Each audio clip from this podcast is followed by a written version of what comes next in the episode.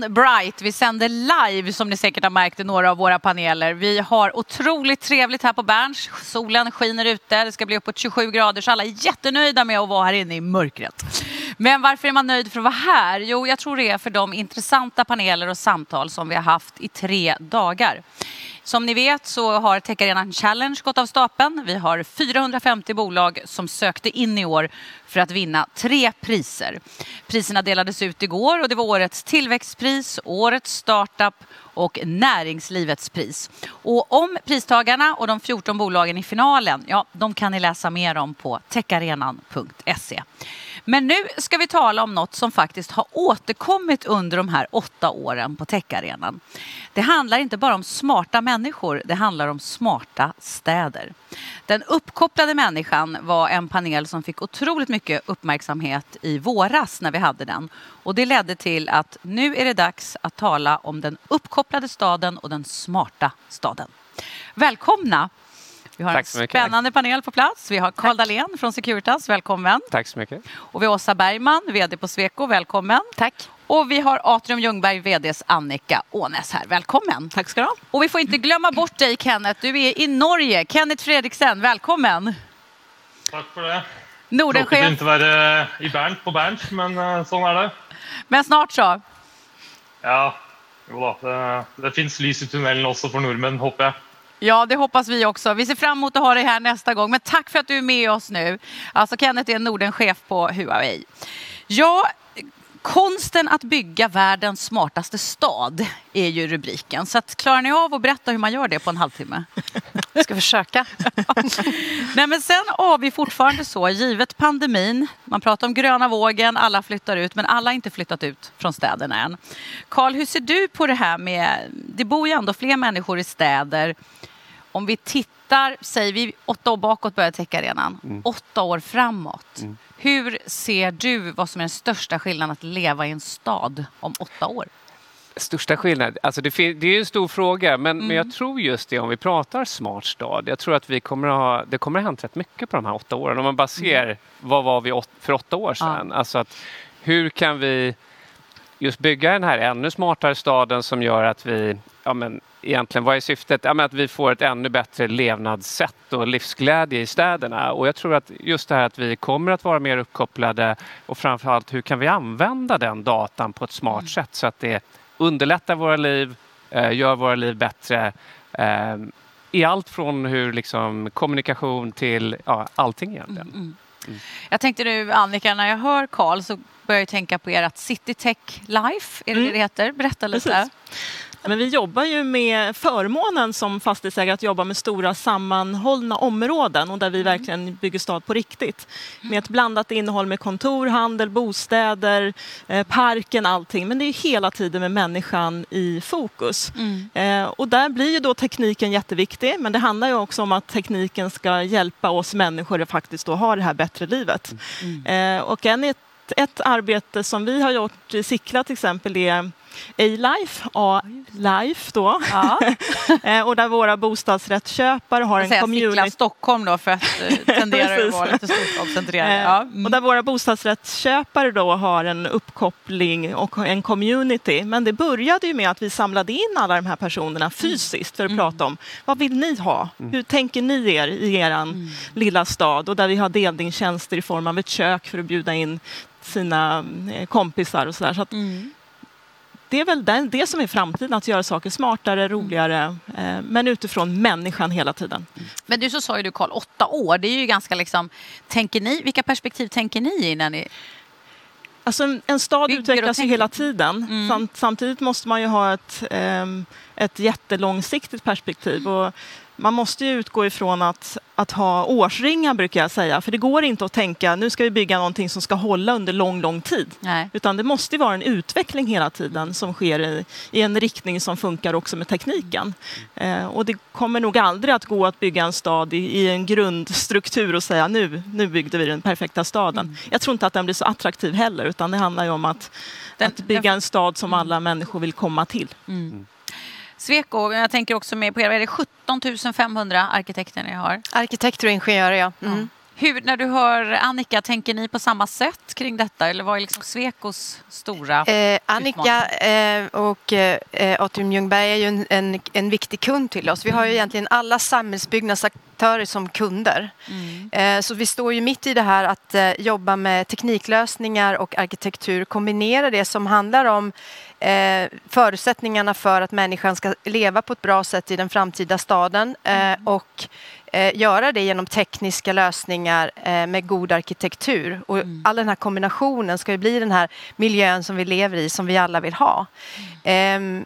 Det, när jag tänkte på tidsperspektiven så kan man ju säga så här att samhällsbyggnad är ju väldigt långa cykler.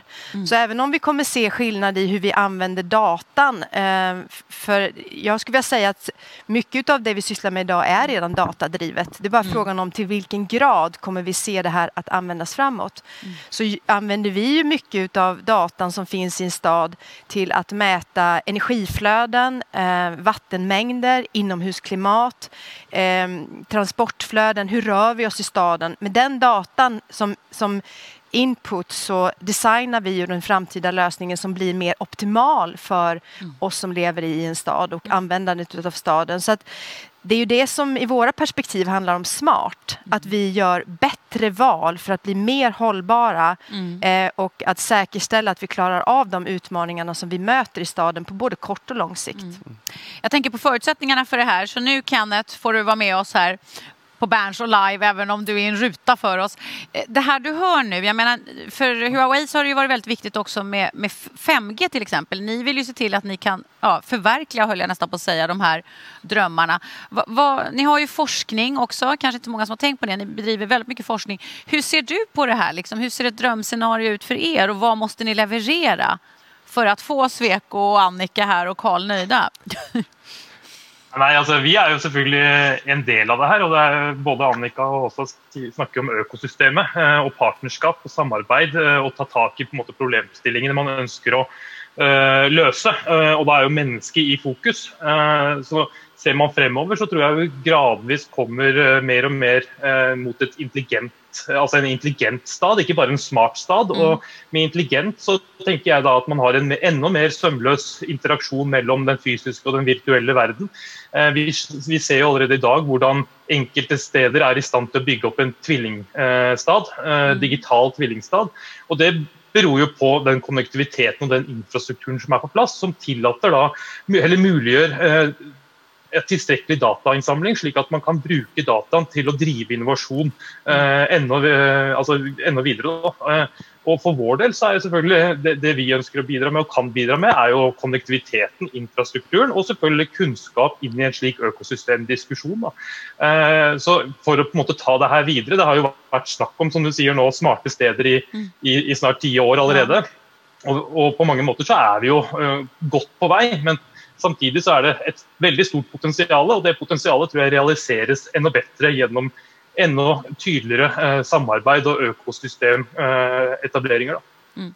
Vi hörde en av Techarenas paneler handlade om, jag kallade det Norrlands nya gröna guld. Alltså det har ju blivit väldigt, det är stor fokus på Norrland nu med Northvolt och SSAB som ska vara fossilfritt och så vidare. Mm. Hur, hur, känner du Karl? Jag nämnde, man ska inte prata om antal anställda idag säger de Techarena för det är, ingen, det är inget tecken på framgång säger alla startups. Men vi måste ändå säga att är det, det är 300, runt 340 000 anställda ni har? I Securitas, ja. ja. ja.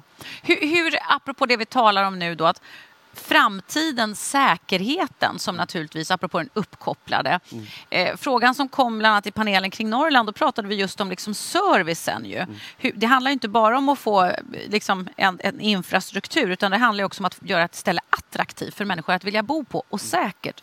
Hur, hur ser ja, men, Securitas... Ja, men, liksom, absolut, ja. men jag tror att, och den är jätteviktig. Jag tror mm. att just för att vara attraktiv så måste samhället kännas tryggt. Mm. Vi har ju lite så att säga, trender åt fel håll just nu och det skapar mm. en otrygghet och det är där vi bland annat kan bidra till att, att skapa ett tryggare samhälle och det är en del i den smarta världen och det, det som Åsa sa här att just hur kan vi använda den här datan? Så att, mm.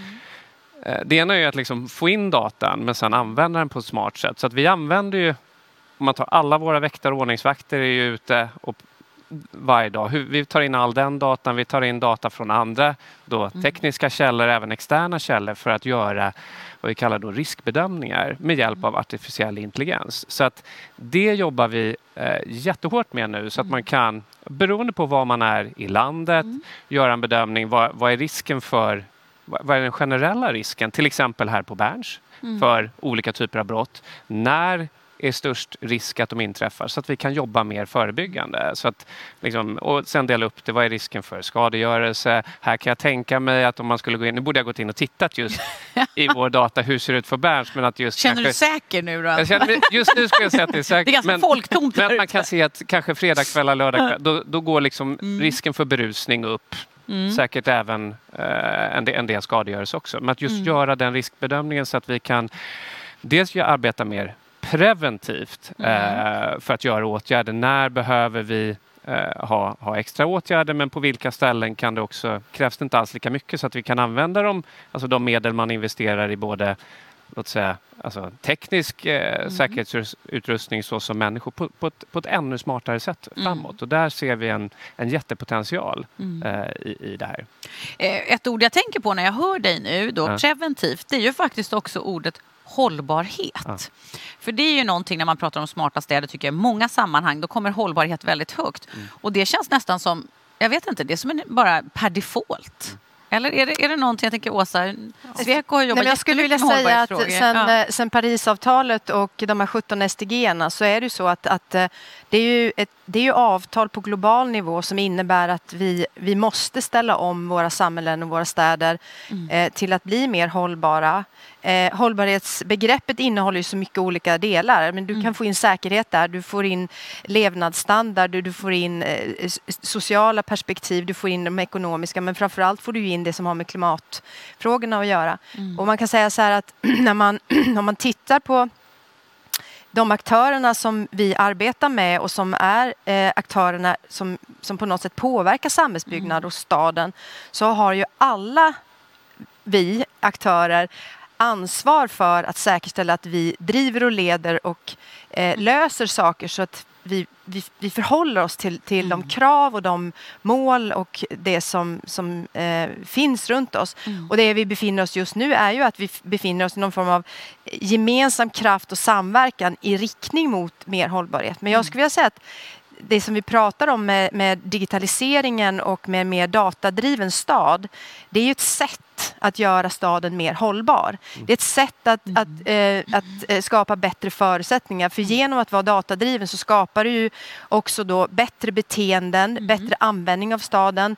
Eh, du mäter energiflöden, du kan minimera energianvändning. Mm. Du kan istället för att ta bilen så kan du enkelt bestämma dig för hur du tar dig med kollektivtrafik och cykel på ett mycket smartare sätt mm. i, i staden. Så att allt vi pratar om här är ju för att vi ska få en mer hållbar mm. stad att, att leva i. Mm. Ett exempel som jag skulle vilja ta upp det är eh, Norra Djurgårdsstaden mm. där Stockholms stad har pekat ut ett område som tidigare var ett industriområde till att bli eh, ha en hållbarhetsprägel på allt man gör. Mm. Och det är också ett bra exempel och lite kopplat till det Annika sa, att man får mm. möjligheten att från grunden planera en stadsdel mm. med alla hållbarhetsperspektiv i sig.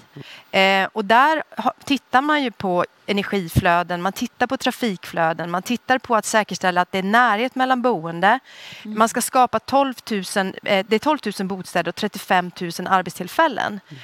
Och kan man då få till det här, vilket är målet, att det är eh, fossilfritt, enkelt att resa, eh, grönområden, ehm, eh, interaktion mellan människor, eh, samnyttjande, cirkulärekonomi, den här digitala interaktionen communityn. Alla de perspektiven gör ju att vi kan då skapa den här hållbara stadsdelen, eh, kanske i vissa fall staden, men i alla fall delen och alla de delarna tillsammans bidrar ju till att vi blir mer hållbara. Men apropå cyklar då, föregår invigningen och det du säger, alltså gamla områden, nu det byggs nya med det här tänket, vad gör man med de gamla områdena?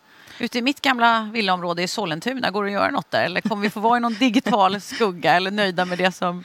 Nej, man ska aldrig vara nöjd. Och jag tycker mm. att eh, hållbarhet glädjande nog ser vi att vi, menar, vi på Atrium Ljungberg har jobbat med den länge. Mm. Eh, jag träffar investerare hela tiden i mitt jobb och för några år sedan så fick man nästan ingen fråga kopplat mm. till hållbarhet. Mm. För något år sedan så kanske hälften av mötena och faktiskt förra veckan så var det alla investerare, även från USA, som ställde frågor kring hållbarhet. Och det är det glädjande. Det är spännande. Det har jag hört på flera håll nu. ja. Just amerikanerna. Som, precis, ja. när till och med amerikanerna Efter börjar liksom fråga, eh, precis, så då händer det grejer. Ja. För att det kräver ju ett tryck från alla håll för mm. att den här frågan verkligen ska lyfta.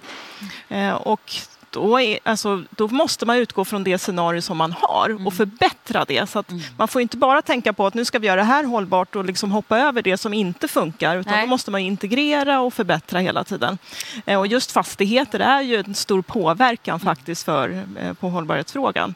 Men där vi utifrån energin är ju superviktig. Men det är också byggmaterial och alla mm. de här frågorna, cirkulariteten. Mm. Och där hoppas man ju på att tekniken också kan bidra till att det blir lättare. Mm.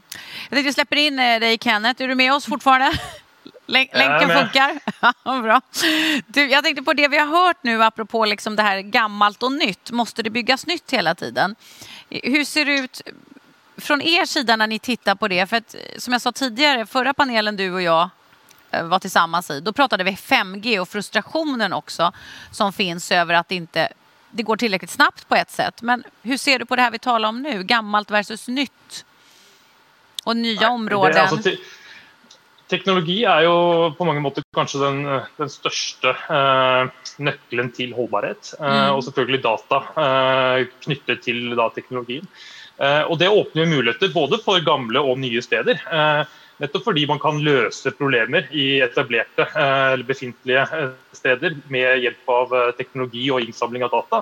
Men det gjør jo selvfølgelig også muligheten for nye steder å, å på en måte konkurrere med etablerte steder. Fordi tilgjengeligheten til publike tjenester, behovet for å være tilknyttet en stor stad er ikke så stor, fordi digitaliseringen muliggjør de samme type tjenestene andre steder. Eh, så Det gjør jo at konkurransen sannsynligvis også vil bli økende. Og konkurranse som vi alle vet, driver jo eh, innovasjon, og eh, sånn sett også er igjen med på å skape et mer holdbart samvelde. Så, så teknologi er jo løsningen til veldig mange av våre utfordringer i dag. Så, så, jeg vil ikke si at det, det er verken altså, det er både positivt og negativt å ha en etablert posisjon, mm. samtidig som at man har muligheten til å komme inn eh, som en ny aktør eller en ny stad, og sånn sett också skapa ett konkurrensdyktigt klimat för, för sina inbyggare. Mm. Eh, nu, techarenan per, alltså, ska man säga, per default igen, alltså, men vi älskar ju tech naturligtvis, all ny teknik och vi prisar och hyllar. Men nu skulle jag vilja vara djävulens advokat här om inte grundaren kommer in och slår mig i huvudet av techarenan Omid. Finns det någonting negativt med den här Karl, digitaliseringen, det uppkopplade samhället, det smarta. Ja, men, det är klart att vi måste ju alltid vara på vår vakt för att mm. all data kan ju användas på ett felaktigt sätt. Mm. Eh, så att det är väldigt noga. Hur hanterar vi all den data vi får in? Hur hanterar vi det? Hur mm. säkerställer vi att, så att säga, ingen personlig integritet åker Så att det är det mm. fokuset samtidigt som vi hela tiden måste säkerställa att hur mm. kan vi nyttja all data vi får in på ett positivt sätt mm. och hindra de, om man uttrycker negativa krafterna. Mm. Så att, och, och, det, det, och de, de kommer ju alltid finnas där, så mm. det är ett jätteviktigt arbete hela tiden också om vi tänker liksom... Mm. Ja, Men det här preventiva också ja. som ni jobbar med och det tror jag många tänker Securitas och man ser vakterna tror jag ni får upp framför er liksom. Men ni gör ju så mycket mer mm. för att det ligger ju också uppenbarligen i ert intresse att preventionen, liksom att förhindra våld, inbrott. Men, och, och, det är ju vad vi gör till den absoluta majoriteten, är mm. att förhindra. De gånger vi behöver ingripa det, det är klart vi gör det, men mm. det, fokus på allt vårt jobb är ju det preventiva. Att mm. skapa allt ifrån att skapa lugn och ro på ett torg genom att gå runt mm. och, och, och, prata, helt, alltså den mänskliga kontakten till mm som vi är inne på, tekniska lösningar, mm. datadrivna lösningar. Så det är hela tiden det sambandet, liksom, människa, data, teknik. Mm. Hur får vi det att uh, liksom successivt gå framåt men samtidigt ha en stark vision så att vi Mm. hela tiden jobbar framåt. Och jag har ju förstått att vi i Sverige har ju upplevts som väldigt liksom, duktiga och framåtanda i tekniken men där vi har tappat ganska i, liksom, i förhållande till andra länder. Mm. Och för att det är det offentliga i Sverige som inte hänger med och mycket i Sverige hänger ju på det offentliga för man är så rädd att dela data och så. Mm. Och det tycker jag är en superviktig fråga att inte vi som Sveriges land faktiskt hamnar efter världen. Men självklart att vi måste liksom ha ordning och reda på hur data används men vi måste också våga öppna upp i den delen i Sverige tycker jag. Exakt. Det där är lite intressant, för det fick jag höra så här bakom snack här. Det finns ju ett liv utanför den här scenen. Då. På Berns och några deltagare så stod vi och pratade om eh, skolan, apropå att vi är så duktiga med iPads och eh, datorer. Men så visar det sig att nationella, som jag har förstått också på mina barn, det är fortfarande med pennan.